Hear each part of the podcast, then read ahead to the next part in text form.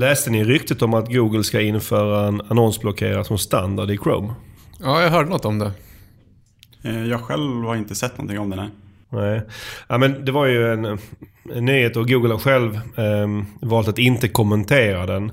Men, men ryktet sa att den skulle eh, följa en ny form av standard som har kommit och skulle då gälla pop-ups, autostartande videoannonser och no, prestigials. ehm, eh, och det jag tänker på direkt när man, när man hör det är att är det inte exakt vad som finns på YouTube? Autostartande videoannonser. Ja, det vore väldigt intressant om Chrome blockar alla YouTube-annonser. Så kan det direkt. inte vara, eller vad tror Nej, ni? det Nej.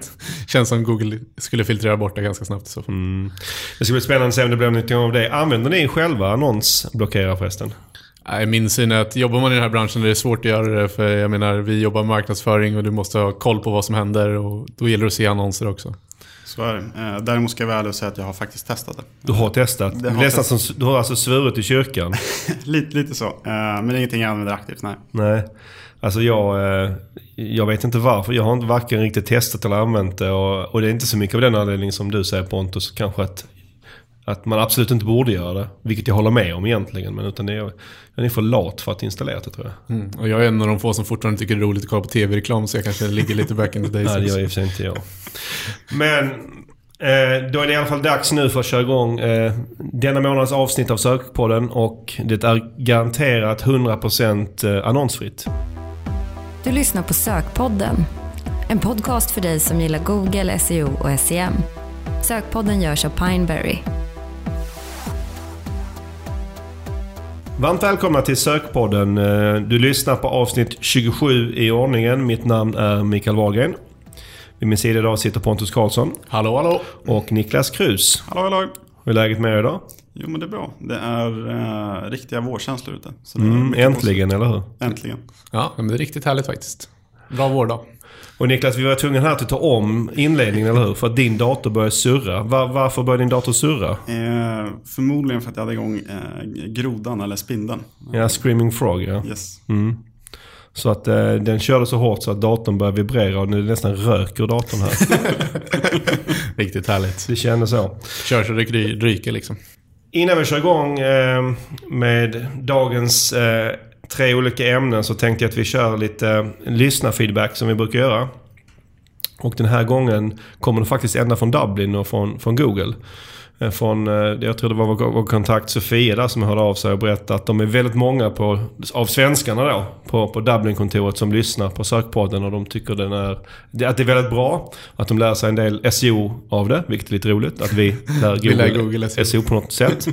Eh, Jag tycker jättekul att ni, att ni eh. Den här kritiken var väl att eh, att det det skulle komma ut fler än ett avsnitt i månaden. Och det vet jag att det är många som tycker. Eh, utmaning för oss att vi vill... Det är inte säkert... Det är inte så lätt för oss att få till ett, mer än ett bra avsnitt varje månad. Så än så länge så lutar det åt att vi håller kvar vid ett avsnitt per månad. Ja, vi går på kvalitet istället för kvantitet. Ja. Vi får se. Det, förra månaden var det två, special, det var det två avsnitt. Det var ett, ett, ett specialavsnitt också. Det är väl så att det kommer kanske vara så vid några tillfällen framöver. Och på tal om det, förra månaden så var det ju lyssnarrekord på grund av det. På grund av att det lite dopade månaden med, med två avsnitt. Och totalt var det 4740 lyssnare. Det är riktigt nice. Ja, nästan, nästan 5000. Det, eh, I mars var det 2300 lyssnare så att det, det var ju nästan en, en dubbling. Jag hoppas att vi eh, eh, kommer fortsätta på den positiva trenden och vi tycker det är såklart väldigt, väldigt roligt att det är så många som lyssnar. Verkligen. Eh, som vanligt, idag har vi tre ämnen. Vi börjar med bloggen som SEO-verktyg. Eh, vi kommer eh, ha en klinik som vi har pratat om tidigare där vi går igenom ett antal sajter från ett SEO-perspektiv. Och så avslutar vi med den nya F- Facebook-pixeln.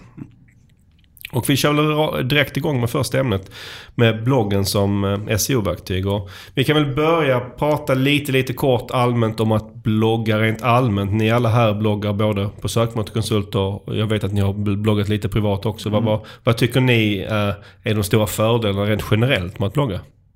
Det är ett enkelt sätt att skaffa innehåll till sajten skulle jag säga i allmänhet. Och man kan skriva om relevanta ämnen och skriva nyhetsrelaterat oftast. Eh, precis som Pontus är inne på, men också att man kan ta eh, kanske lite fler infallsvinklar eh, än vad man normalt sett kan göra. Mm. Ja, jag upplever att det är ett väldigt effektivt sätt att bygga ens antingen personliga eller ens företags varumärke. Och det är, är saker man, alltså det man skriver om är väldigt bra att använda i sin egen marknadsföring på ett eller annat sätt. Verkligen.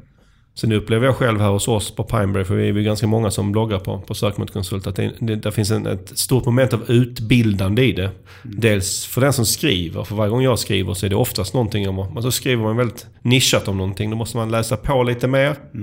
Och sen är vi många här som då läser det sen som också blir lite mer insatta i just den här detaljen vi skriver om. Så det, finns, det är, tycker jag också är en ganska viktig, viktig faktor. Vi vet också i våra kundundersökningar att våra kunder efterfrågar kunskap om det vi gör. Och då är frågan hur ska man förmedla det på något vettigt sätt? Och där använder- tycker vi att bloggen har fungerat väldigt väl för oss. Att vi Nej, såklart... men det är ju verkligen kunskap kring både skrivandet och själva ämnet i sig. Så det är ju en utveckling på alla fronter. Verkligen. Den stora utmaningen med bloggande är ju uthålligheten, eller hur? Verkligen. Det är, lätt, det är lätt att köra igång. Det kan Eller man se på många sajter. Ja, jag, jag har ju min blogg som ni inte helst ska besöka, min privata blogg. Jag kan säga samma sak om min med, om man kollar uppdateringsmässigt. Hur är det med dig Niklas? Ja, det, jag tror det finns ett eller två inlägg på den eh, de Okej. senaste tre åren. Ja, ja, ja precis. Nej, men jag körde ganska, inte, inte intensivt, men regelbundet ett tag. Men sen har det mer eller mindre dött ut. Nu, nu kan det kanske komma ett eller två inlägg per år. Det är det som är jättesvårt att hålla i, igång en blogg. Ehm, men det finns ju många värden med det, men det är väl det som är det svåra att hålla igång med den. Ja, du måste ha en kontinuitet i allt du gör. Och det är det vi pratar om med sökpodden. Vi försöker hålla en gång i månaden för att hålla kontinuitet. Samma sak med bloggandet. Du måste nästan göra det ännu oftare. Liksom. Ja. Och d- man, där, där, där måste vi nästan ändå ta upp vad som eh, det här jubileumet vi hade för några veckor sedan när eh, Sökmotorkonsult, vår blogg, den fyllde 10 år. Det var 10 år sedan Magnus Bråth publicerade första inlägget där. Första inlägget handlade om länkar. Och att, att hålla på och blogga i 10 år är helt... Det känns väldigt, väldigt... Väldigt, väldigt länge liksom. Ja. Så jag är faktiskt väldigt stolt över att vi har klarat det och det är många personer inblandade i det. Men en av anledningarna på senare år är såklart att vi har sagt, delat på uppgiften. Vi är ju flera som har hjälpt till att blogga för att man hamnar själv i svackor där man inte alltid lyckas blogga. Nej, men så är det Så det gäller att hjälpas åt och det kan vara tips till alla er där ute som ska starta blogg i företaget med. Det var flera personer som delar på jobbet. Ja, ja och i, i vårt fall under de här tio åren har det blivit nästan 1000 inlägg. Vi är uppe på 950 ungefär och vi har haft ungefär 800 000 besök. Och då ska man nog betänka att det här är ganska nischat. Det, det är väldigt, och på svenska. Eh, och hälften av den här trafiken har kommit från, från är organisk trafik från Google. Och det är egentligen det vi ska prata om idag. Hur man kan använda en blogg för att driva trafik, organisk trafik från Google. Verkligen. Och det är någonting vi får väldigt många frågor kring. Ganska tekniska, detaljerade frågor. Det är egentligen de jag tänkte, vi tänkte vi ska ta upp idag och berätta, ge vår syn på dem. Den kanske vanligaste av dem alla, det är om bloggen ska ligga på en subdomain eller en folder. Alltså då antingen ska det vara blogg.pineberry.com eller ska det vara pineberry.com blogg. Vad säger ni? Ja, och vår rekommendation i allmänhet där är ju att vi ska lägga det som en folder för att ta nytta av hela sajtens eh, länkkraft helt enkelt. Du får inte riktigt samma styrka i en subdomän i och med att det ses lite mer som enskilda domäner helt enkelt. Eh, fördelen är oftast att det är mycket lättare rent tekniskt att implementera det på en, eh, en subdomän och det är därför må- i många situationer hamnar man att vi måste lägga den här men jag kan säga till er, det går alltid att lägga den som en katalog. Ja, oftast brukar vara skälet som, man, som anges i alla fall att man har huvudsajten på en viss, kanske lite äldre plattform. Och så vill man blogga i Wordpress och så kan man inte installera det på den servern och så lägger man det på en subdomän som man kan, lättare kan ha på, på en annan server eller peka mot en annan server. Precis. Så absolut helst då en, en, en folder. En relaterad fråga till det är ju att om man ska ha bloggen på sin huvuddomän eller om man ska ha en separat domän. Vi kan ju ta som exempel på oss själva att vi har ju valt att ha vår blogg på sökmotorkonsult.se med vår företagssajt egentligen pineberry.com. Vad, vad tycker ni där? Eh, Jag personligen skulle nog gärna haft det på, eh, på samma domän. Mm. Eh, Så vi har gjort fel tycker du? Ja och nej, ska jag säga. Nu har vi den fördelen att vi faktiskt rankar med båda domänerna. Så Mm. att, för oss har det varit en, en vinning så att säga. Mm. Men energin och kraften och arbetet som krävs för att komma dit är ju dubbelt så mycket så att säga. Vad är din syn? Pontus? Nej, men jag har exakt samma syn. Att jag tycker att det är, det är verkligen så. Som sagt var, man vill ju ta del av den länkkraft som kommer till båda Mm. domänerna och bygga då på två domäner, försöka bygga upp dem och synas oftast på samma sökord så blir det ju en utmaning. Mm. Sen finns det ju så här för och nackdelar som att vi på pineberry.com idag har färre sidor för att vi inte har bloggen där som ska Mm. dela på all länkkraft. Eh, Men skulle vi slå samman dem så skulle vi ha fler länkar.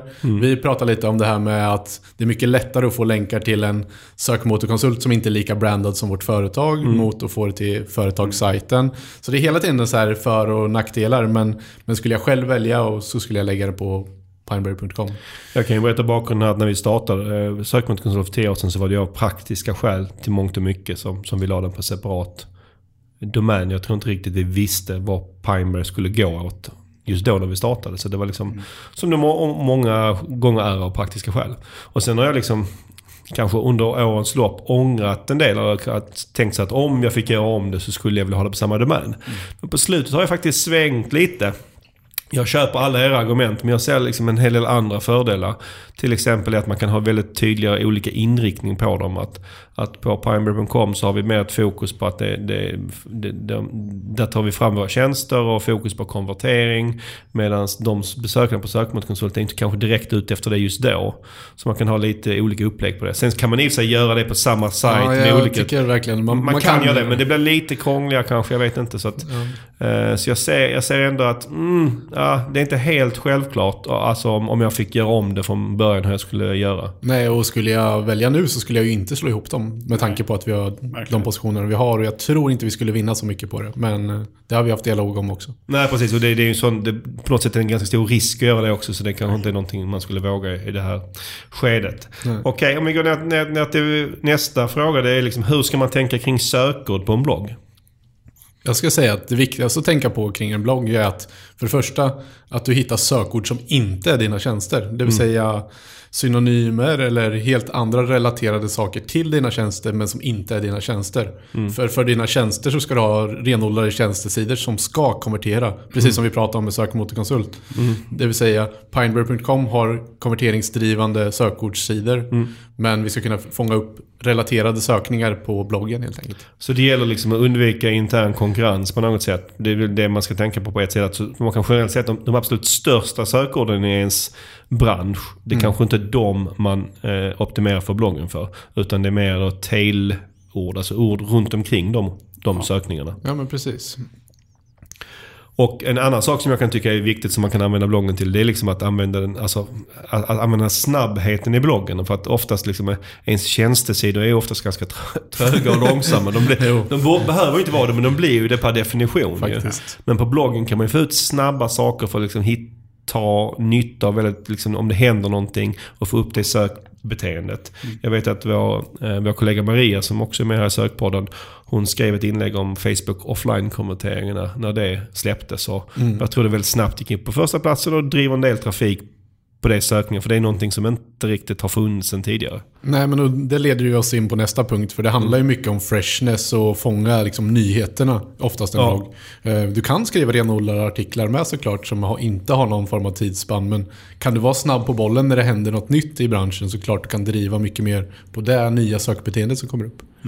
Och det här med freshness, det anses ju av många vara en, en, en viss rankingfaktor som framförallt som har kommit under de senaste åren. Att, och att, man, att om man har en uppdaterad sajt så, så, så ser Google positivt på det. Eh, skulle ni säga att det generellt sett är så eller?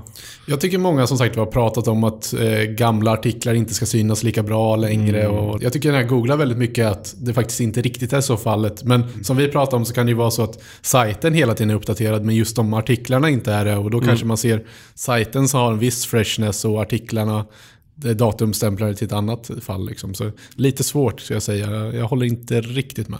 Därför ibland möts jag av att, att företag har sagt att vi ska starta en blogg och skälet bakom det är att de vill få till det här med freshness.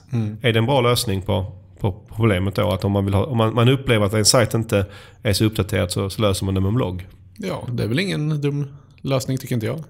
Det, huvudsaken om du kallar det blogg eller nyheter eller vad du än kallar det så handlar det ju om att skapa nytt innehåll som är relevant för, Ja. för din eh, målgrupp. Liksom. Sen är det ju, som jag ser det väldigt olika viktigt beroende på vad det är för typ av bransch och företag. För Google förväntar sig olika nivåer av freshness beroende på vad det är för någonting.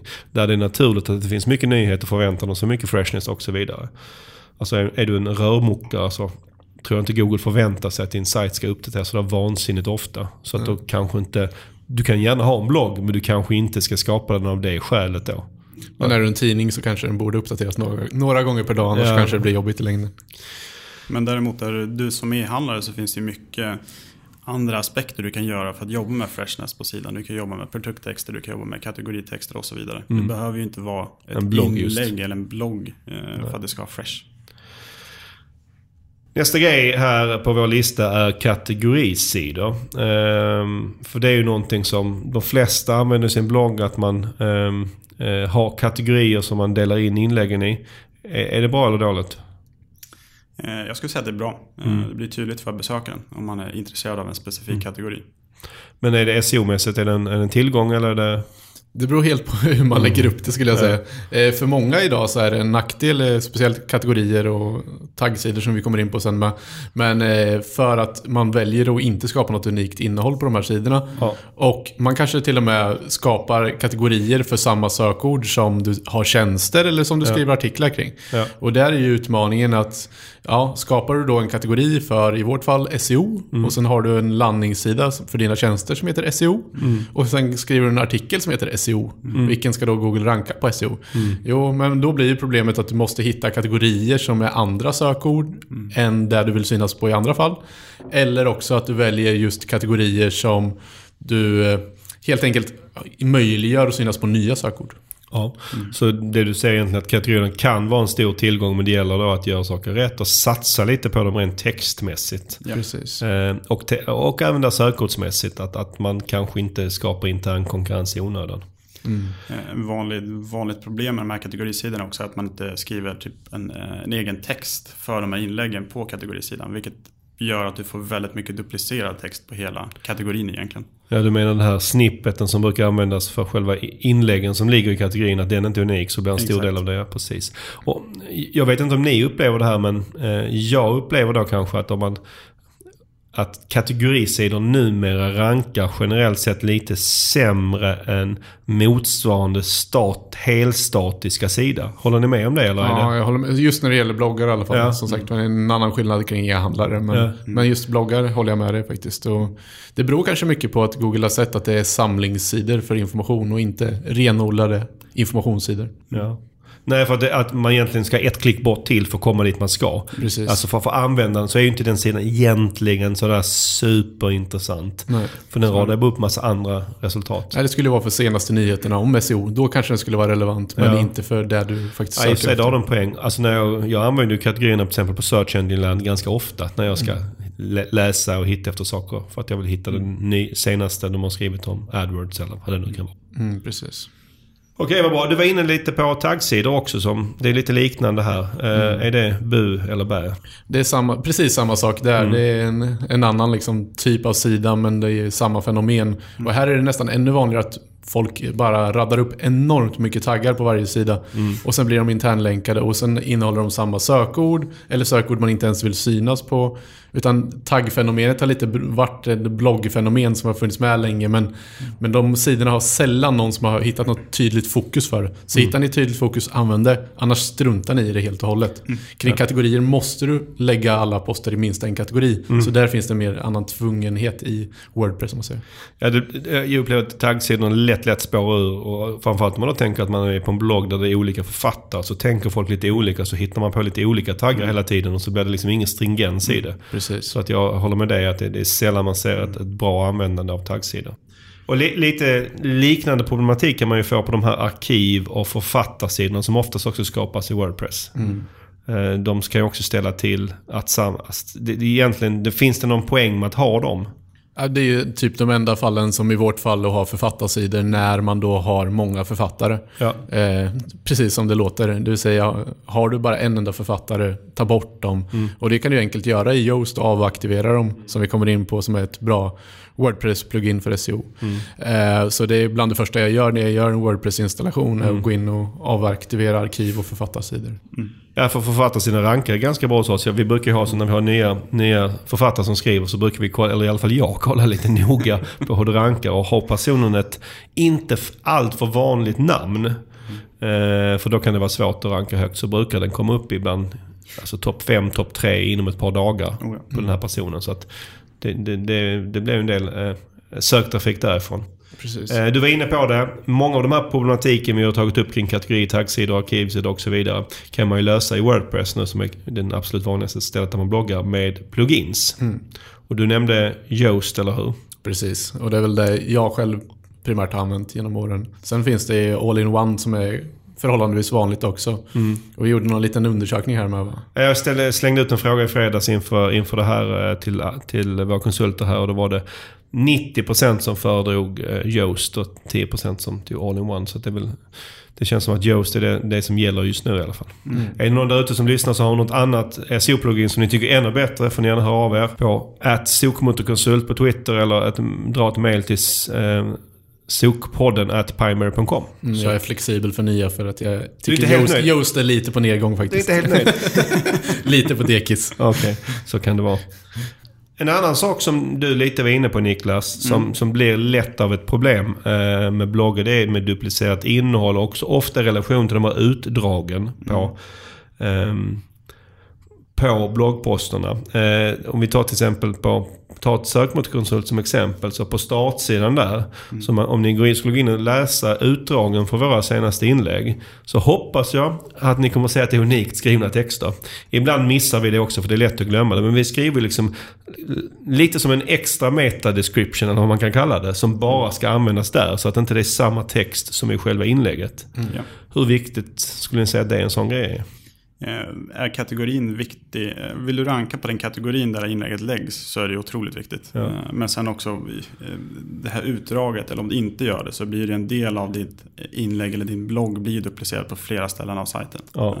Så att jag hade försökt undvika det också.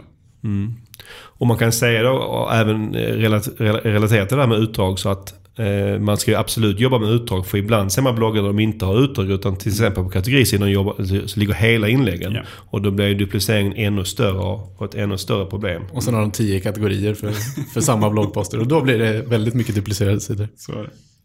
Ehm, en annan sak om man har skrivit till exempel 950 plus artiklar som vi har gjort så hamnar ju en, en hel del av artiklarna väldigt långt bak i hierarkin.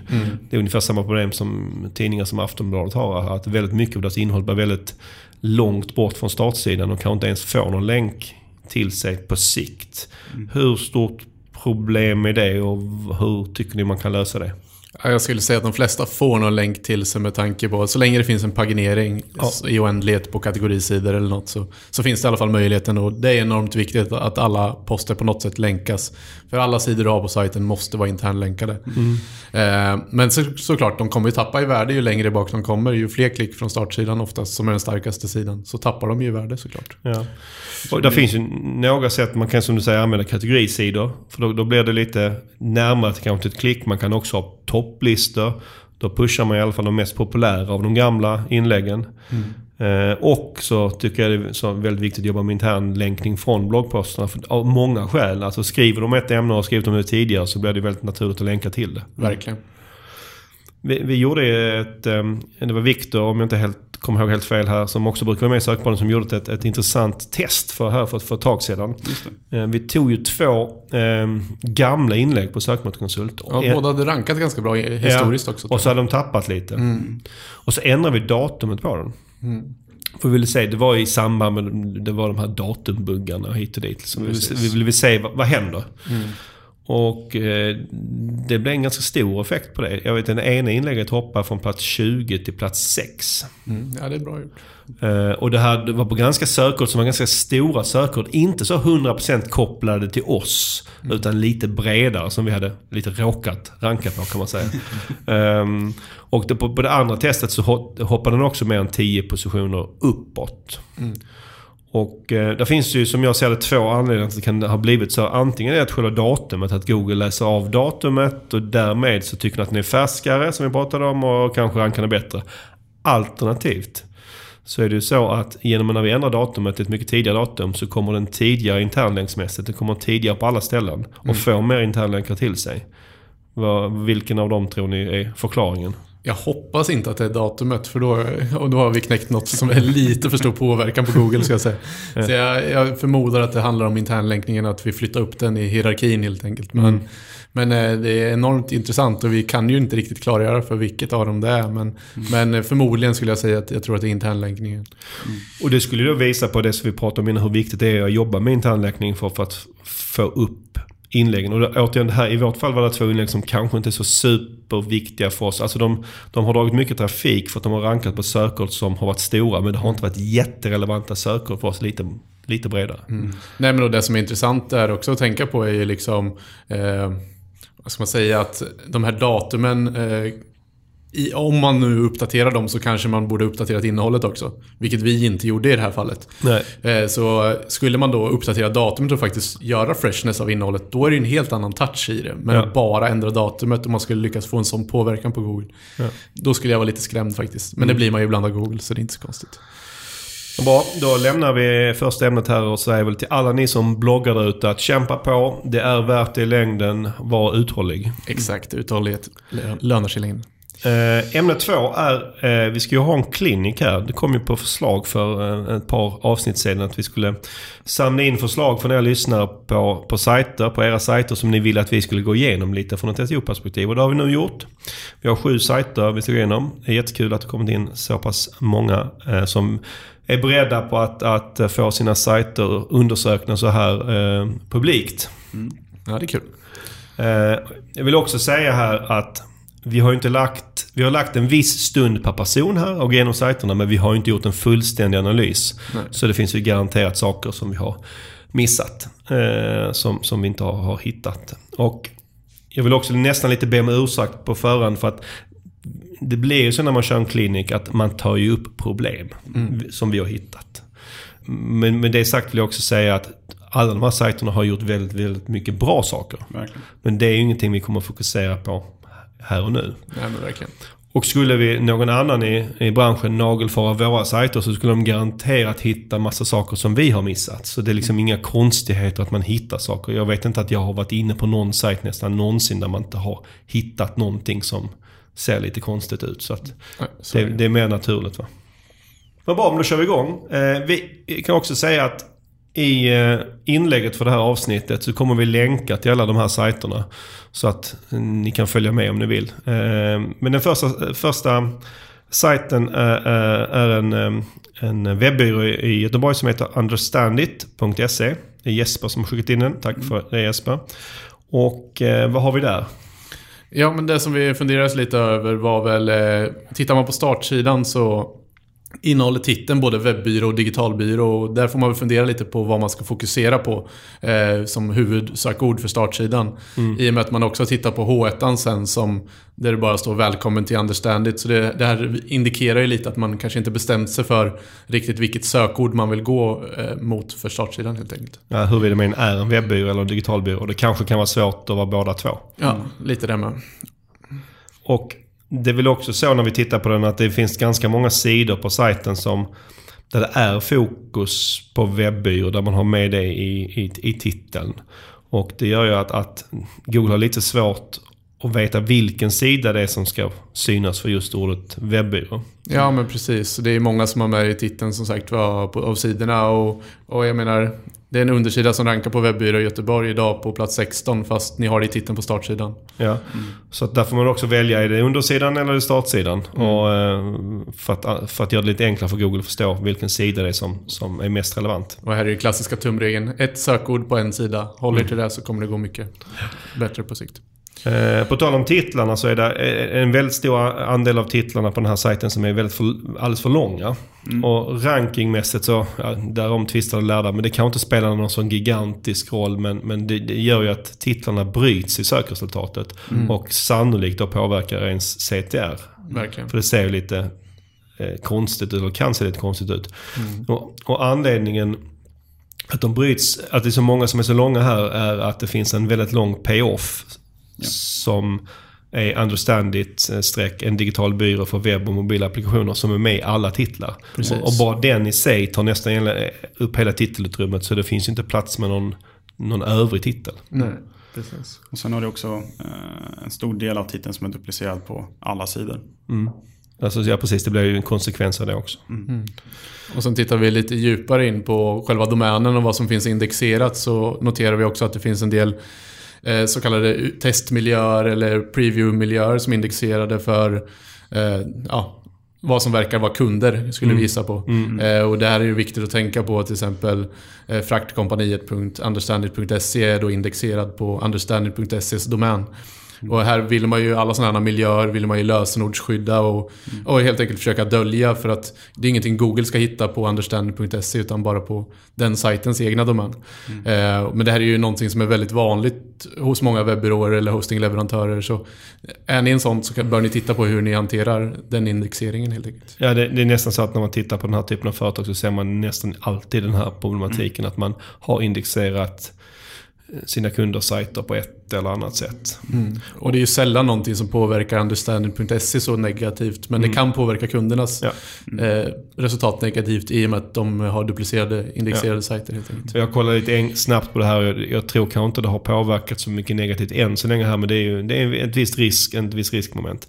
Men du sa att man ska blocka Google med lösenordsskydd. Det räcker inte med att man sätter noindex eller blockar i robots.txt. Alltså det är ju en, det är en bättre lösning än ingenting. Men speciellt när de är indexerade nu så skulle Ja. man ju vilja få bort dem från index. Och då vill man ju ge någon annan svarskod så snabbt som Ja. möjligt. Eh, så det är enormt viktigt. Ja, Jag tycker också det räcker med ett enkelt lösenordsskydd. Liksom man kan ha samma lösenord till alla. För att det är inte så att det är hemligt utan det är bara att man vill inte att Google ska komma in. Det handlar väl mer om att göra så mycket man kan för att det inte ska hända. Sen hade ni någonting avslutningsvis här på Understand kring tjänsterna, eller hur? Ja, exakt. Eh, Så vi kollar på menystrukturen som ser ut idag så har man bara en länk till en samlingssida för alla deras tjänster. Eh, Här hade jag kanske velat bryta ut så att du får eh, länkar i huvudmenyn eller toppmenyn som också länkar till den specifika tjänsten och inte bara för samlingssidan för tjänsterna. För att, I och med att de sidorna är de kanske viktigaste sidorna så vill man lyfta dem lite närmare. Förmodligen eh, är det deras viktigaste sidor där det Ja. finns mest sökvolym och där de vill vara synliga så att säga. Absolut. Så man vill upp med dem en nivå. Precis. Vad bra, då lämnar vi den och så går vi vidare till nästa sajt. Nästa sajt har Mattias skickat in och det är en sajt som heter moveria.de. Alltså en tysk sajt. Ehm, och de är um, tänkt att vara en, en, lite av en affiliate-liknande sajt inom allt som rör flytt. Jag vet att de finns på lite olika marknader men det var nog i Tyskland de hade kommit längst som jag förstod det.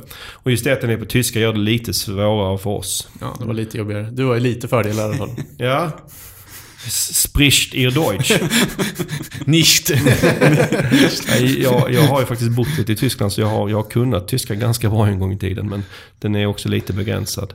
Eh, så det är lite svårt här i alla fall att avgöra om, om man har tänkt rätt kring sökord och så, så vidare. Men här är en sak som jag vill ta upp som jag tyckte, som jag, i alla fall jag tyckte var väldigt bra. De har ju, på tal om blogg som vi har pratat innan, så har de en, en del som, som, som, som gäller flytt. Eh, tips. Eh, inte deras själva blogg, för de har en blogg också. Men som, som är väldigt bra där de skrivit om det här verkligen tail-liknande grejer kring allt kring flytt. Det känns som att de har täckt upp väldigt, väldigt mycket. Ja men verkligen. Och det syns också att de rankar på mycket av de här lite udda sökningarna kopplade till flytt just. Eh, sen om vi ändå fortsätter kring det så deras själva blogg. Där hade jag kanske tänkt så här att ibland, vissa av ämnena i bloggen kanske känns lite off topic. Alltså att de känns kanske ren, som ibland kan kännas som rena inredningstips. Och det är väl kanske okej om man tänker att man ska bredda sajten så att den ska bli jättebred. Men om den ska handla om bara saker kring flytt. Så hade jag nog bara, bara försökt fokusera även i bloggen kring saker som har någonting med flytt att göra. Att man får med det på alla ställen. Så att det inte blir lite för generellt. Ja, jag tycker det är en svår avvägning men jag håller med dig delvis i alla fall. Ja, jag förstår också när man ska blogga om, för det är ju jättebra att, som de har gjort och har skaffat mycket innehåll, att man måste hitta ämnen till det. Exakt. Eh, Så det, är- det är kanske en balansgång. Sen eh, en annan sak som jag tänkte på är ju eh, deras huvudsökord. För att, för att som jag ser det, jag tror med en liten brasklapp här för att vår tyska inte är helt perfekt. Men de, de, de bästa sökorden skulle säkerligen vara väldigt specifika ord som kanske flytthjälp eh, Berlin eller Flyttfirma. flyttfirma Hamburg och så vidare. Och, och den här typen av sidor, statiska sidor, eh, väldigt optimerade för här saknar jag lite. Utan det finns lite sidor i bloggen som handlar om att flytta till Berlin. Men den typen av sökord tror jag inte är lika viktiga för dem som de här konkreta kring tjänsterna som de kan vara. Ja, men jag kan tänka dig mycket mer pengar i syn- synas på flyttfirma Hamburger än vad det är att flytta till, som du säger, ha- Ham Hamburger. liksom. Ja. Så det kan ju vara en sak att... ehm, Titta på den lokalstrukturen lite. Ja. Sen när vi kollar, eh, här kollar vi på länkarna och där, vad, vad tycker vi om äh, länkarna? Så länkarna till sajten. Ja, det, det känns som de, en del har varit med ett tag. Det känns lite, lite skakigt här kanske, ska jag Ja. säga. Men, eh, men det är också så här, lite svårt att bedöma kvaliteten eh, mot konkurrenter i Tyskland. Vi har inte kunnat gräva så djupt, men, Nej. men det känns lite skakigt, ska jag säga. Ja, det är en del så bloggkommentarslänkar och en del kanske inte så högkvalitativa länkar som man, om man fick önska, som man skulle vilja ha. Men så är det en affiliate och det är svårt Ja. att få länkar, så det är förståeligt att man hamnar i de situationerna. Då. Ja, och man måste ju ha länkarna så att, men, men, men om, man, om man kan, det är väl ett, ett, ett, ett förbättringsområde att man kanske kan se om man kan fixa. För de har ju väldigt mycket innehåll så på ett sätt så har de ju möjlighet att få en hel del länkar. Mm, försöka höja kvaliteten lite där. Vad bra, då går vi vidare till eh, sajt 3 och det är en sajt som heter eh, svenskanomader.se. Och det är lite av en, och det är Kristoffer som har skickat in den. Tack för det Kristoffer. Och där handlar det om att, att bygga upp någon form av community för att folk som jobb, jobbar på distans. Precis. Nej men det här är ju svårt för det här är ju digitala nomader eller det finns inte så mycket sökbeteende kring det här liksom. Så frågan är lite vad, vad, vad målet är att få organisk trafik på först och främst. Ja. Och där kan man ha lite olika teorier, allt ifrån att lyfta upp jobb eller olika tjänster som de personerna i communityn tillhandahåller eller vad man nu ska vara. Eh, Så det är lite sådana vägar man kanske får gå. Till exempel Wordpress-utvecklare skulle man kunna bygga en sida för och, och så vidare. Eh, idag så finns det inga riktigt specifika sidor för de här liksom, tjänsterna eller möjliga jobben helt enkelt. Man samlar allting på samma sida, eller hur? Mm, Alla, alla jobben är på en sida. Man skulle kunna bryta upp det till olika typer av jobb såklart. Eh, och, och det här digital nomad som, som, som det pratas väldigt mycket om på sajten. Det känns utan att veta det som det är ett begrepp som man till viss del försöker sätta. Eh, och, och det förstår jag. Eh, vi tänk, har tänkt likadant med ordet sökmotorkonsult en gång i tiden. och det har vi väl lyckats halvbra med skulle jag säga. Alltså, alltså, Kanske inte så som vi hade hoppats men det har ändå li, fått lite fäste. Men utmaningen med det är att det finns ju inte jättemycket sökvolym. Det finns liksom inget beteende från början så man måste hitta andra begrepp. Om, om man ska kunna få trafik från Google. Precis. Och jag har ett exempel kring det i, för att eh, det finns en blogg här även här eh, som, som jag tror är helt rätt väg att gå i och med att det är lite communitybaserat. Där de försöker liksom ta upp problemen eller de utmaningar man kan ha om man jobbar på distans. Mm. Exempelvis var det ett inlägg som handlar om hur man ska skatta som digital nomad. Och där tror jag liksom att om man tänker då att ja, det är ett bra ämne men jag hade nog skruvat det lite ist- istället på att skatta. Hur skattar man om man jobbar utomlands eller den typen av grejer. För att där finns det mycket mer sökvolym kring. Ja men precis. Det behöver inte vara specificerat till digital nomad om det är ingen annan som söker efter. Utan tänk lite, lite bredare där kanske. Eh, sen är det ju en eh, relativt eh, ny sajt. Men inte så många, och då har man inte så många länkar. Vad, vad, vad tror, ni, tror ni att det här är en sajt som kommer kunna få mycket länkar? Ja, men det är ju en community så förhoppningsvis så har både medlemmar, eller om man ska säga, de som kretsar kring det här digitala svenska nomader helt enkelt. Kanske intresserade av att bygga upp hela den här communityn tillsammans och kunna få lite PR på det de gör och intressanta saker. Så det känns som en möjlighet faktiskt. Absolut. Jag gillar att de är så pass ni- nischade som de är. Eh, Det finns ju inte så mycket innehåll om just digitala nomader. Så att det finns lite innehåll att länka till och då är chansen stor att det blir just deras innehåll. Mm. Sen finns det en relativt enkelt sätt att åtgärda saker och åtgärder som vi också hittat. Att det, är en hel del sidor som saknar H1 och bland annat startsidan. Så att det är väl en enkel sak att, att fixa. Precis. Eh, var det någonting mer ni vill ta upp där? Nej, jag tror vi går vidare till går vi nästa. vidare. Alltså det var en sak till när jag glömde det. För att vi har kollat på eh, ganska av många av sajterna har vi sett att att eh, de skulle kunna vara lite snabbare att ladda. Och det är ju dels viktigt för användarna. Eh, men, och börjar väl bli en viktigare och viktigare SEO-faktor. Och det här är väl en av dem. Vi kommer inte ta upp det på alla där vi märkte det. Men det var en av dem där vi såg att man skulle kunna jobba lite med att, att göra eh, sidan snabbare. Och det kan man till exempel titta i, i, i Googles verktyg för det här. Och, där man får fram en poäng. Mm, eller lyssna på avsnittet om crawl budget. Ja. det går lika bra. Ja. Men bra, men då går vi vidare till nästa. Eh, som är Ljungby Utemöbler. Ja, väldigt intressant case. Det känns som det är lite tufft segment, men väldigt intressant case. En ny sajt inom utemöbler, inskickad av Raymond var det va? Ja, exakt. Och det är e-handel då. Och vad är de viktigaste sidorna för en e-handel? Ja, i 99 gånger av 100 så skulle jag säga att det är kategorisidorna. Ja, det kändes som en ledande fråga jag ställde här lite. Kanske. Ja. Eh, och man kan, kollar man på bristerna där så kan man väl säga att det, det saknas innehåll på kategorisidorna. Vilket i många fall gör, men det är en väldig fördel att skapa kategori, viktigt innehåll på kategorisidorna. Eh, och många brukar fråga hur långt? Skriv så långt som du anser är relevant som en köpguide till kunden. Ja, och vår, tumregel brukar vara 300-500 ord någonstans. Så det kan vara svårt att få till det, men försök rikta er mot det. Liksom. Speciellt på de viktigaste landningssidorna. Och om man då ibland kan säga åh jag kan inte skriva 500 ord för det kommer att se, då kommer användaren bara mötas av text. Men då återigen brukar jag säga att ja, men du kan ju blanda det med bild, produktbilder. Liksom. Du behöver inte ha all texten i ett. Nej, och lägg lite ovanför, lite i mitten, lite vid sidan om, lite i botten. Alltså det finns många ytor som folk inte tänker på. Och det kan ju också bara tänka på det här med om man har en stor e-handelssajt, en relativt stor sajt eh, med många kategorier. Så, så ska man såklart satsa mest på de kategorier där man är bäst. Precis. För det är där man har bäst potential, det är där man har kanske bäst produkter. Det är där också, om man, får, om man lyckas på Google så är det också där man kommer att sälja. För att om man satsar på kategorier där man är så att säga, dålig, där man inte har så bra utbud. Då spelar det ju ändå egentligen ingen roll om man rankar. För att då kommer man ändå inte sälja någonting när folk kommer in. Nej, och här var det intressant. Han nämnde att han var 52 på utemöbler när han skickade in det här. Och jag menar, startsidan har i princip inget innehåll. Så det vore ju intressant att bara testa att skriva innehåll på startsidan. Se hur långt man kommer med det. Ja. Och, Men men jag skulle också säga att eh, visst, det är jobbigt att skriva 500 ord, jag håller helt och hållet med dig. Men det är bättre att ha 100 ord än inga ord på kategorisidorna. Så att eh, ja, lite är bättre än inget i, i det här tänket. Och du hade också en tanke Pontus kring hur man skulle kunna tänka kring sökorden. För att du, som du nämnde initialt så är det ganska tuff konkurrens här. Men hans nisch, eller sajtens nisch här är att det är utemöbler.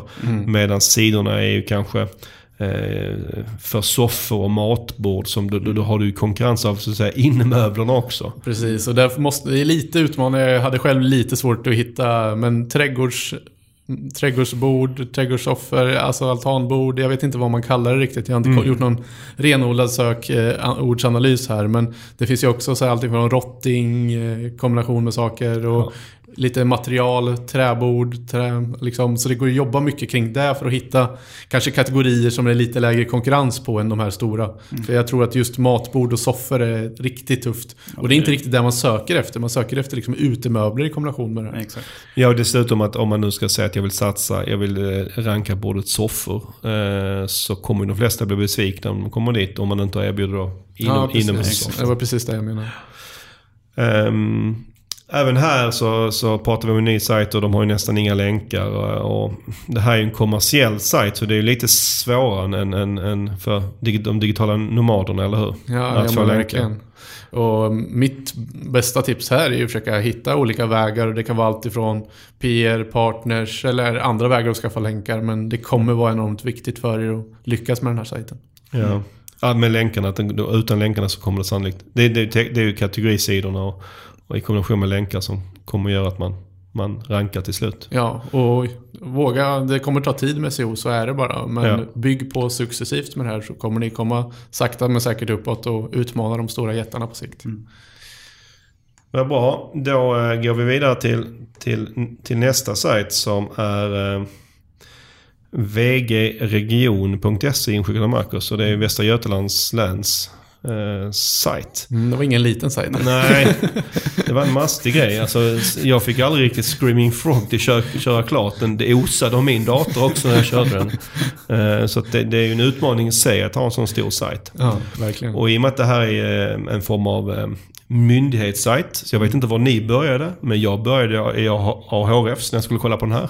Ja. För det man vet är att de har en fantastisk länkprofil. Mm. Alltså de har ju så mycket länkar och så bra länkar att man... Man, Man drömmer sig bort lite. när man ser Ja. Ja, tänk verkligen. om man kunde få ha sådana här länkar som de har. Vanliga sajter kan inte få det här ju. Nej. Nej. Ju närmare riksdagen ju bättre. Ja, det här är väl väldigt närmare. Precis. Det, det var en bra liknelse Pontus. Ehm, och, men, men min nästa grej som jag oftast tittar på på sådana här sajter. Det är ju, de har ju så här mycket länkar. Men det är oftast då att man kanske inte, man har så många så att man kanske inte riktigt tänker på dem eller bryr sig om dem. Eh, och det finns en hel del som man skulle kunna ta hand om lite bättre. Och det är det som jag, i alla fall jag brukar kalla eh, att man återvinner länkar. Liksom lite av ett miljöarbete när det gäller, när det gäller länkar. Eh, och då kollar jag upp lite enkelt här i, återigen i Ahrefs att de, eh, sajten har, det finns över 3000 sidor på sajten som svarar med 404, det vill säga att sidan inte finns. Eh, men som samtidigt har en länk till sig. Minst en länk då. Helt sjukt. Du vet, om man då tänker, om vi gör det lite enkelt först. Tänk att det är unika länkar och att det är en länk till varje bara. Då, då snackar vi om 3000 länkande domäner. Det är inte sagt det är det, men säg att det är 3000 länkande domäner. Alltså det, nästan ingen av de andra sajterna vi har pratat om här, eller kommer att prata om, kommer någonsin få 3000 Nej, nej, nej, nej, domäner. verkligen domäner. Nej. Eh, Så att det, det är väldigt mycket länkkraft som man då skulle kunna återvinna med relativt enkla medel. Om man tränar detta. Det. Alltså ett riktigt bra tips till Marcus ska jag säga. Mm. Och min vinkel när jag tittar på sajten, i och med att du har grävt lite i det här också, Mm. jag kollar lite på det med, men det var så här, vad vill de verkligen synas på? Det var, tyckte jag var utmaningen. Och Det var så här, ja, mina tankar var få folk till regionen och jobba. Då är det ju jobba plus ort eller tjänst plus ort och lite sådana där saker eh, som rör just deras områden. Och det, där skulle man kunna skapa lite den här som vi pratade om tidigare med Monveria, liksom att skapa, eh, det vill säga jobb, Allingsås eller vad det nu kan vara. Liksom. Det, det är jätteintressant att komma till den lokala kopplingen för det är där ni vill synas också.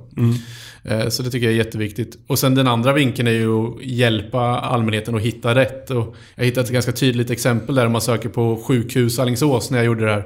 Så kommer hitta.se etta och sen har då er sajt har tre, de tre resultaten under. Och det här tecknar oftast på just det vi pratade om innan som är intern konkurrens. Att man liksom inte anpassat sidan för ett specifikt sökord. Sen heter, eh, heter det Alingsås lasarett, vilket kanske lite har med saken att göra. Men folk kanske fortfarande söker efter att det är ett sjukhus helt enkelt. Och det gäller ju att optimera då en specifik sida för ett sökord, lite som vi pratade om innan. Så man inte har flera sidor som är anpassade för samma sökord, utan gör det tydligt för Google, det blir tydligt för användaren och det hjälper er i alla steg. Så egentligen att du, du säger att man man skulle kanske göra något ordentligt och det är ju ingen det är ingen sak man gör på en eftermiddag, en sökordsanalys från sådana här sajter. Man verkligen sätter sig ner och tänker igenom vad är det vi ska synas på för sökord och vad, vad söker vad googlar folk efter? Ja men verkligen. Som sagt var, det var ett mastig sajt så man fick börja i några fronter liksom och titta lite, det här lite idéer på vad man skulle kunna göra. Men sökordsanalys och sökbeteende på sajten vore ju väldigt intressant att titta på. Och sen hittade vi en sak som vi förstår varför det är så tekniskt men det kanske inte helt optimalt SEO-mässigt och det var att det var, där är väldigt många subdomäner. du, du räknade upp 40-50 stycken. Ja, av- jag vågar inte gissa men det var väl 30-40 stycken i alla fall. Ja. Och återigen, vi pratade lite om det det blogg, när vi pratade om bloggar i, i första ämnet idag. Men varför är det här dåligt? Ja men det är just det här med att det ses lite mer som olika domäner. Det vill säga vi får inte samma länkkraft med i flödet mellan alla delar av sajten. Så jag menar att ni har folktandvården.vgregion.se hade varit bättre av vgregion.se slash folktandvården helt enkelt. Mm. Vad bra. Då tänker jag att vi lämnar Västra Götaland här och så går vi eh, eh, vidare till, till nästa sajt som är folier.se som Mikael har skickat in. Tack för det Mikael. Eh, Även eh, som tidigare sajter också så är det här en, eh, en e-handel. Och såklart precis som tidigare så är det kategori och även i det här fallet varumärkessidorna. Precis. Som i, i, I möbelsajten så var det inga direkt kända varumärken så där var inte de kanske så intressanta. Nej, för de hade lite egna serier snarare. Ja, men här känns det som att även varumärkessidorna är väldigt viktiga. Verkligen. Och precis som vi, har nämnt det flera gånger nu, men vi tar upp det igen för att vi just det här tycker vi är väldigt viktigt att även på de här sidorna så saknas det, det här brödtexter. Utan den så kommer du inte kunna synas. Utmana på Nej. samma sätt. Eh, Så det är väl... eh, eh, Det, det, det krävs att man lägger lite, lite, eh, lite tid på det. Eh, och och det, det är likadant, på, precis som i förra fallet så är det likadant på startsidan att, att det saknas text. Och det är ju ganska vanligt för e-handlare att man inte har så mycket text på startsidan. Och det kan man väl i och för sig leva med. Det beror lite på var fokussökordet ligger någonstans. Ja. Liksom. Har du något tips på eh, sätt jag ska skriva text för 500 sidor? Vart börjar jag någonstans? Ja men man måste ju börja på de viktigaste sidorna och ibland har man då liksom en, en har man hundratals kategorier och tusen, alltså man kan ha jättemånga underkategorier också liksom så att man känns, det känns så helt oövervinnligt.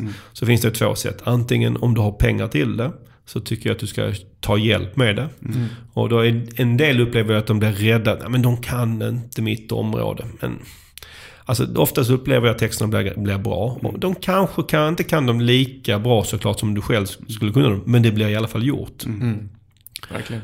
Eh, Det är ett sätt. Om du har, och jag, jag brukar säga att investera i text på det här sättet är kanske bland den bästa investering man kan göra. Framförallt om man då tänker att man investerar i kategorier eller varumärken som man vet är ganska konstanta. Ja, alltså som inte klart. försvinner över snabbt.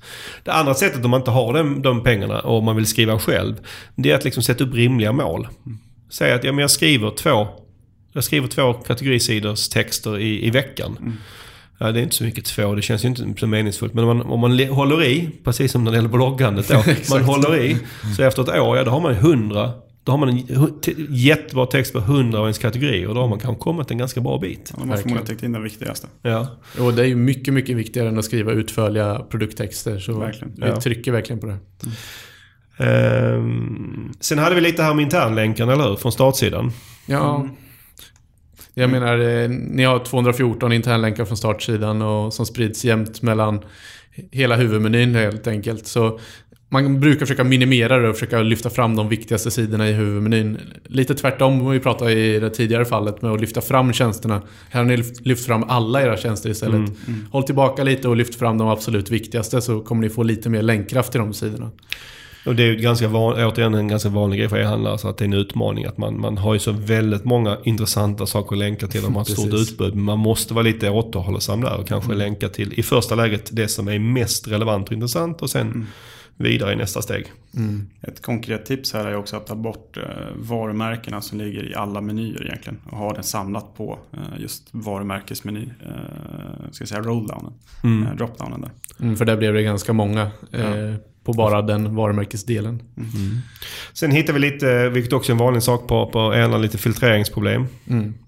Eh, och det är när man sorterar så, så, så blir vissa av URLerna indexerbara. Och det liksom, behöver kanske inte gå in på de tekniska detaljerna här och nu men det är en sak som kan eskalera. Jag såg inte att det hade eskalerat något jättemycket här. Nej, det var förvånansvärt lite med tanke på problematiken. Liksom. Ja, men det, det kan vara någonting man vill titta på så att det inte eskalerar så att man får massa vad heter det, egentligen icke-sidor indexerade i onödan. Precis. Vad bra, då eh, ger vi oss av lite norrut till nästa sajt till, till Vemdalen. Mm. Då går vi till fjälls. Ja, precis. Det är Marcus som har skickat in eh, den sajten. Tack för det. Här, min första reflektion här var att, att jag tycker att det kan vara ganska viktigt att få med Vemdalen i allt man gör. Alltså i all sin optimering. Ett exempel är på liksom sidorna för hotell. Att man då H1 på den sidan är bara hotell. Men det borde, jag tycker då att den borde vara hotell i Vemdalen. För det är det som den handlar om. Precis. Så att man, man tänker verkligen på det att det folk är ute efter är någonting i kombination med Vemdalen. Vad, eh, vad var det mer vi hittade här? Nej, men sen var det ju... Ni hade lagt shoppen på vemdalen.ticktail.com till exempel. Och man vill ju inte ha de här... För det första ligger det på en annan domän, ticktail.com.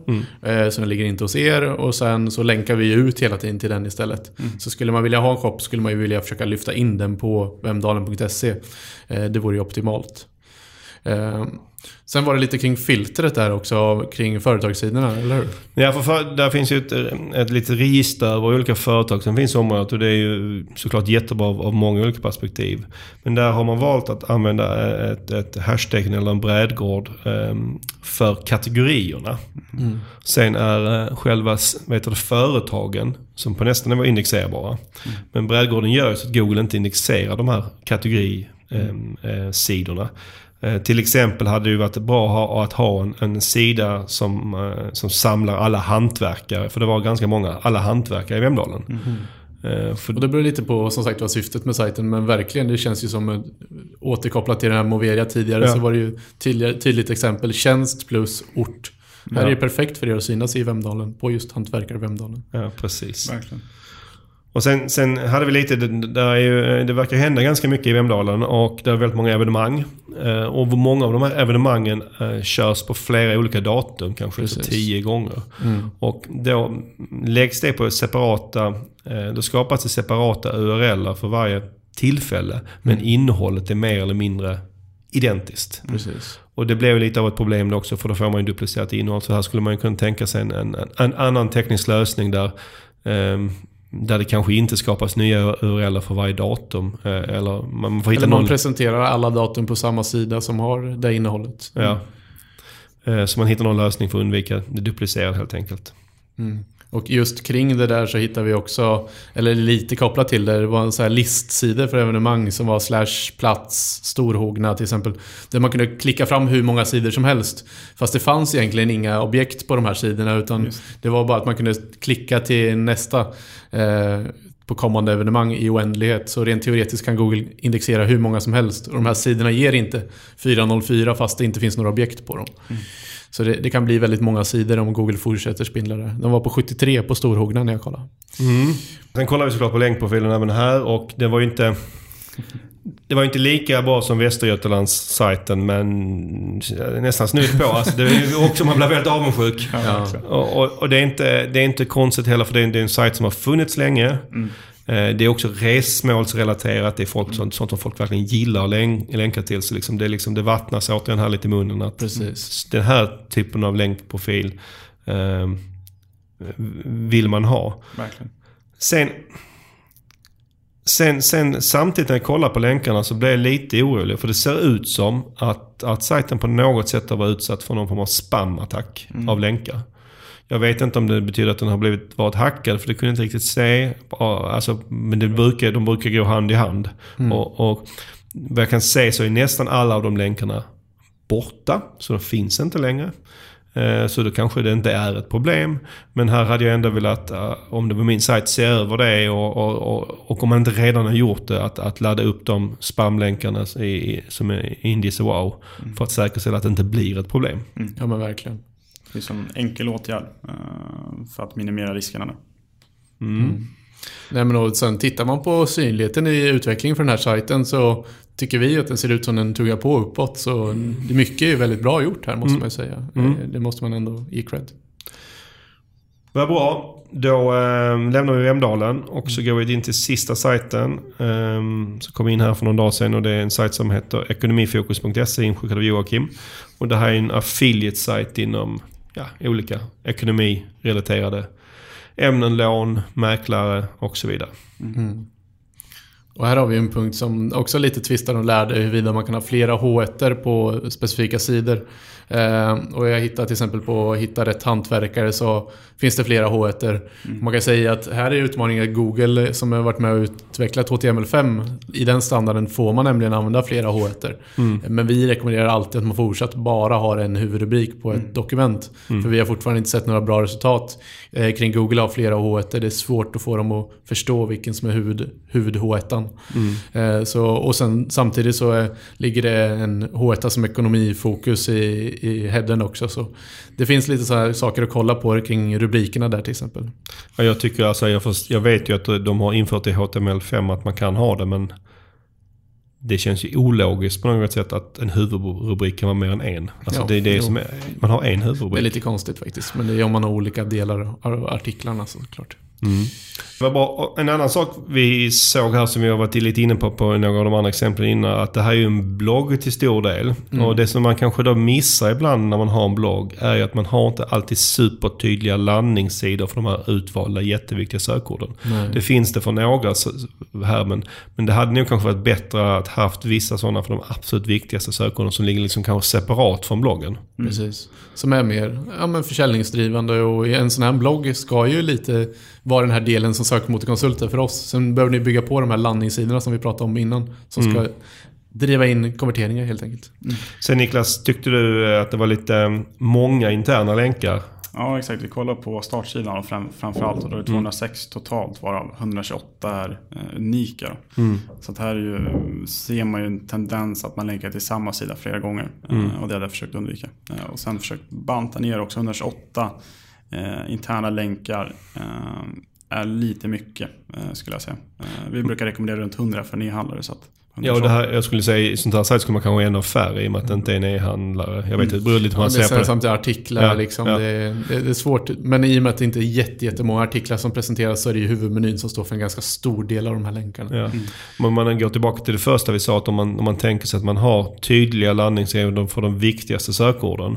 Så kanske liksom man inte kan behöva länka till lika många artiklar direkt från startsidan. Eh, För att få ännu mer eh, fokus, länkkraftsfokus till de här viktigaste sidorna. Sen eh, är det en affiliate-sajt och när kollar man på länkarna, inlänkarna, alltså länkarna till sajten så är det det är lite tunt såklart. Och det här är ju inte konstigt. Det är väldigt svårt. För, det, det är extra svårt för affiliates att, att få länkar. Eh, och här tycker jag liksom vi kan återupprepa det tipset som Jesper gav som var med i vårt specialavsnitt just för affiliates här förra månaden. Som är ett bra tips tyckte jag. att Han, han sa att som de brukade göra bland annat är att de, de tittar på de, de de tycker är bäst i segmentet. Mm. Och så går de igenom och ser var de har fått länkar ifrån. Och så, de tar inte, och så där de tycker oh det här var en bra länk, det här var en bra länk. Och så försöker de få länkar från samma ställe. Ja men verkligen. Det är Och- ett jättebra tips. Och det är ett bra sätt att metodiskt jobba sig fram. Då eh, var kliniken slut. Sju sajter, sju genomgångar. Ja, eller hur? Då går vi över till eh, dagens sista ämne. Och det är den nya Facebook-pixeln. Och det har hänt lite grejer med den, men med själva pixeln. Men innan vi går in på vad som har hänt så, så kan vi väl börja med vad är egentligen Facebook-pixeln Niklas, som alla pratar så mycket om? Eh, Facebook-pixeln i sig är en kodsnutt vi lägger in på, eh, på sajten eh, för att kunna mäta vad som händer på sajten eh, med trafiken. Precis som att vi lägger in ett Google Analytics-skrift på sajten.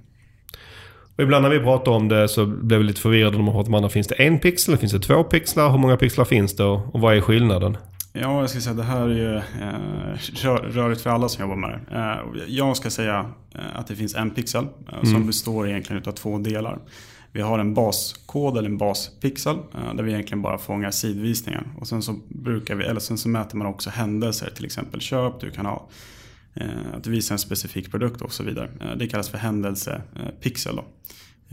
De kan du lägga ihop men du kan också att välja att lägga dem på två olika ställen. Och det är där tror jag förvirringen kommer in. Att det är två olika pixlar. Men när det i grunden egentligen är samma. En pixel fast två Ja. varianter av den, eller vad man kan kalla det. Ja, två olika typer av saker du mäter skulle jag säga. En, en variant. Men ja, absolut. Eh, Det är samma pixel. Jag tror man lyssnar på oss vad vi bara sa precis nu så, så förstår man att det är förvirrat. För att det, det är väldigt svårt, svårt att veta vad det är. Och på tal om det, om ni tycker att det, om ni precis hörde en del oljud in i, i så är det för att det känns som att de leker Hela havet stormar här ovanför oss. Vi hoppas att de, de slutar snart. Om inte ramlar genom taket. Våra grannar.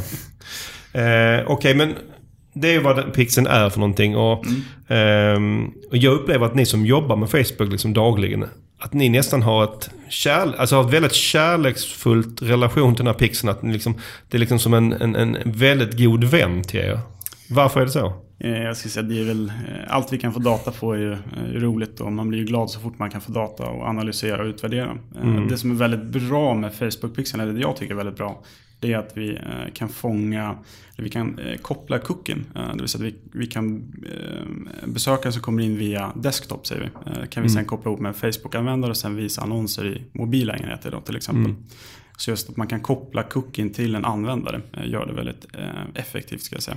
Det är därför man också säger att Facebook är mycket bättre på cross-device-hanteringen än Google till exempel. Ja, Precis. Vad bra.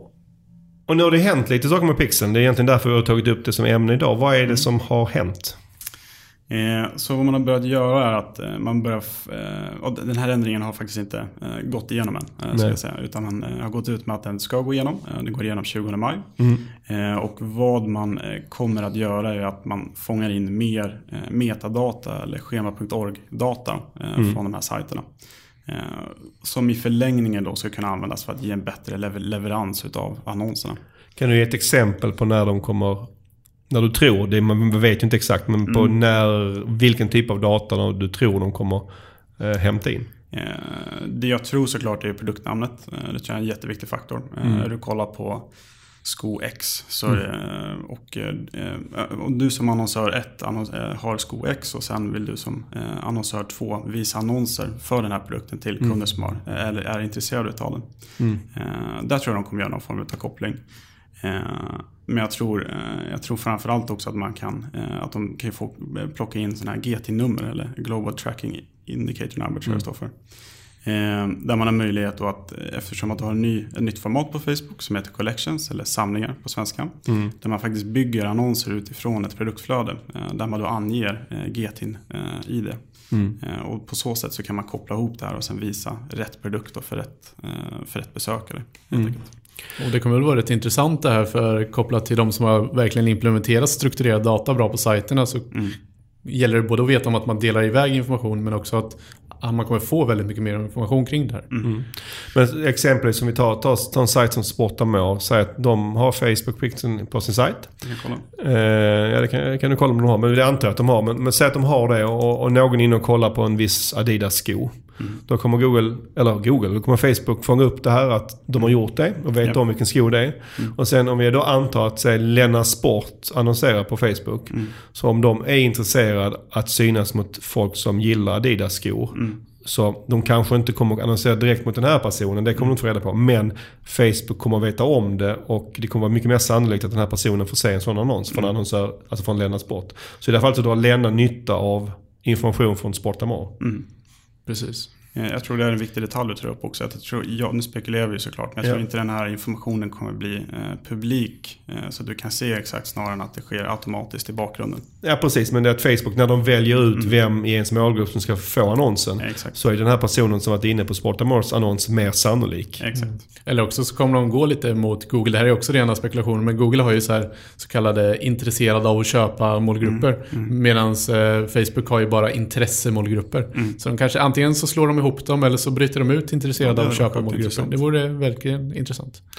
Och de gör ju det här, Facebook säger de såklart för att öka träffsäkerheten. Och det säger sig själv om man de vet om mer om en användare att han eh, eller hon precis varit inne och kollat på en Adidas-sko.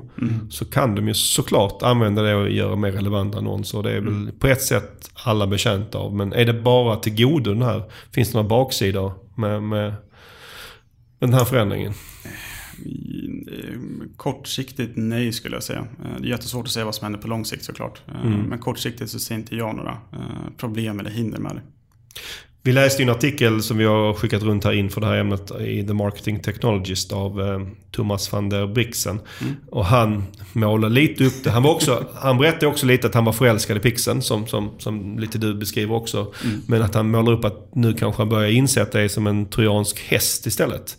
Eh, Du ser inte det som han ser det. Och han menar då att, att Facebook skickar in någonting bara för att samla massa data. De suger ut data eh, ur, an, ur deras annonsörer utan att de kanske egentligen är medvetna om det.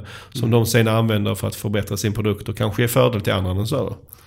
Eh, Det är väl framförallt det gör att man kanske som användare inte är medveten om vilken information man delar med sig utav. Eh, Där kan jag till viss del hålla med honom men för mig som eh, hjälper många annonsörer så ser jag det bara som något positivt att vi kan ge, eh, leverera bättre annonser till eh, de som ska se dem.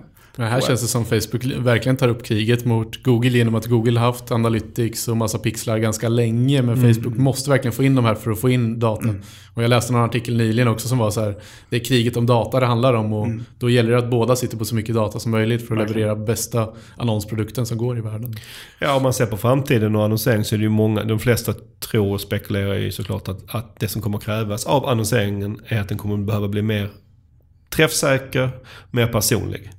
Eh, för att man ska kunna öv- överleva som annonsplattform. Ja men Eh, verkligen att koppla tillbaka till det här med adblockersna som vi pratade om i början. liksom. ja. för, att, för att folk inte ska vilja ha dem så måste det ju vara bra Exakt. annonser. Alltså adblockers är ju ett symptom på att folk tycker att annonserna är dåliga. Exakt. Men för att kunna få till den här träffsäkerheten så krävs ju datan. Så det blir ett moment 22. Alltså man måste släppa, alltså, och de kan ju inte bara hitta datan och tumma intet. Så de måste få datan någonstans ifrån. Och gärna i realtid så nära som möjligt. Ja. Vem kommer vinna och vem kommer förlora på den här förändringen av pixeln? Eh, Jättesvårt att säga såklart. Man spekulerar ju bara men eh, av det vi eh, förstår nu och det vi spekulerar kring nu så tror jag du som mindre annonsör ändå kan dra lite mer nytta av detta eh, kortsiktigt. Eh, Med tanken då att du som liten annonsör inte delar med dig av så mycket data, men du får mycket data tillbaka. exakt. Indirekt. Alltså du får kanske inte den direkt, men indirekt får du den på något sätt. Exakt, exakt. Men då gäller det att våga vara aggressiv också och våga köpa på den datan. Och lita på den. Det blir lite grann att du låter andra göra eh, dina misstag. eh, Ja. Om man säger så. Sen långsiktigt så tror jag då att den, den stora vinnaren här blir Facebook. För att om, om de lyckas med det här och att annonseringen blir mer träffsäker så kommer alla annonsörer vara beredda att buda mer för att få Verkligen. trafiken. För att den blir mer lönsam. Så för annonsören kanske det blir, säg, lika, alltså samma CPA som tidigare. Men det kommer att vara ett högre klickpris. så, så, är att, så att Facebook totalt sett tjänar mer pengar. Vad bra. Eh, Då lämnar vi Facebook-pixeln för idag och eh, vi eh, ska bara avsluta det här majavsnittet av Sökpodden. Har ni feedback så är vi så vanligt ytterst glada för den. Eh, Eller om ni vill föreslå ett nytt ämne till framtida poddar. Ni når oss på mail eh, sokpodden.pineberry.com eller så kan ni tweeta till att sokmotorkonsult på Twitter. Och eh, idag är det tisdag, eller hur? Den 16 maj. Men det här avsnittet kommer ut den, den 18 maj. Ja. En torsdag. Och vad händer den 18 maj? Just det, det är SEO-snack idag. Ja, eller hur? Sista SEO-snacket innan, innan sommaren. eh, Och eh, varför ska man gå på SEO-snack? För att det är härligt att träffa folk som gillar att nörda ner i det där vi pratar om. Ja.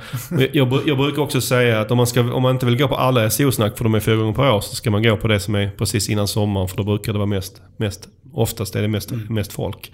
Jag vet inte om det blir så den här gången. Var är det någonstans? Ja, på Turegatan 17 här på Suellen. Mm. Och det brukar dra igång vid också klockan 17. Så att det är bara att komma förbi om ni är intresserade av att träffa folk i branschen. Jag förutsätter att ni är där. Jajamän. Ja. Pontus? Nej, jag ska springa Göteborgsvarvet på lördag så jag är lite tveksam till det. Okej, okej. ja. Du är det lite ursäktad då. Jag, eh, jag ska ner till Malmö en sväng, men jag, jag har faktiskt bokat flyg så jag ska kunna hinna upp i tid. Så jag hoppas att vi ses där på, på torsdag. Eh, tack så mycket för att ni har lyssnat eh, på oss idag och sköt om er till nästa gång. Ha det bra. Stort tack, hej!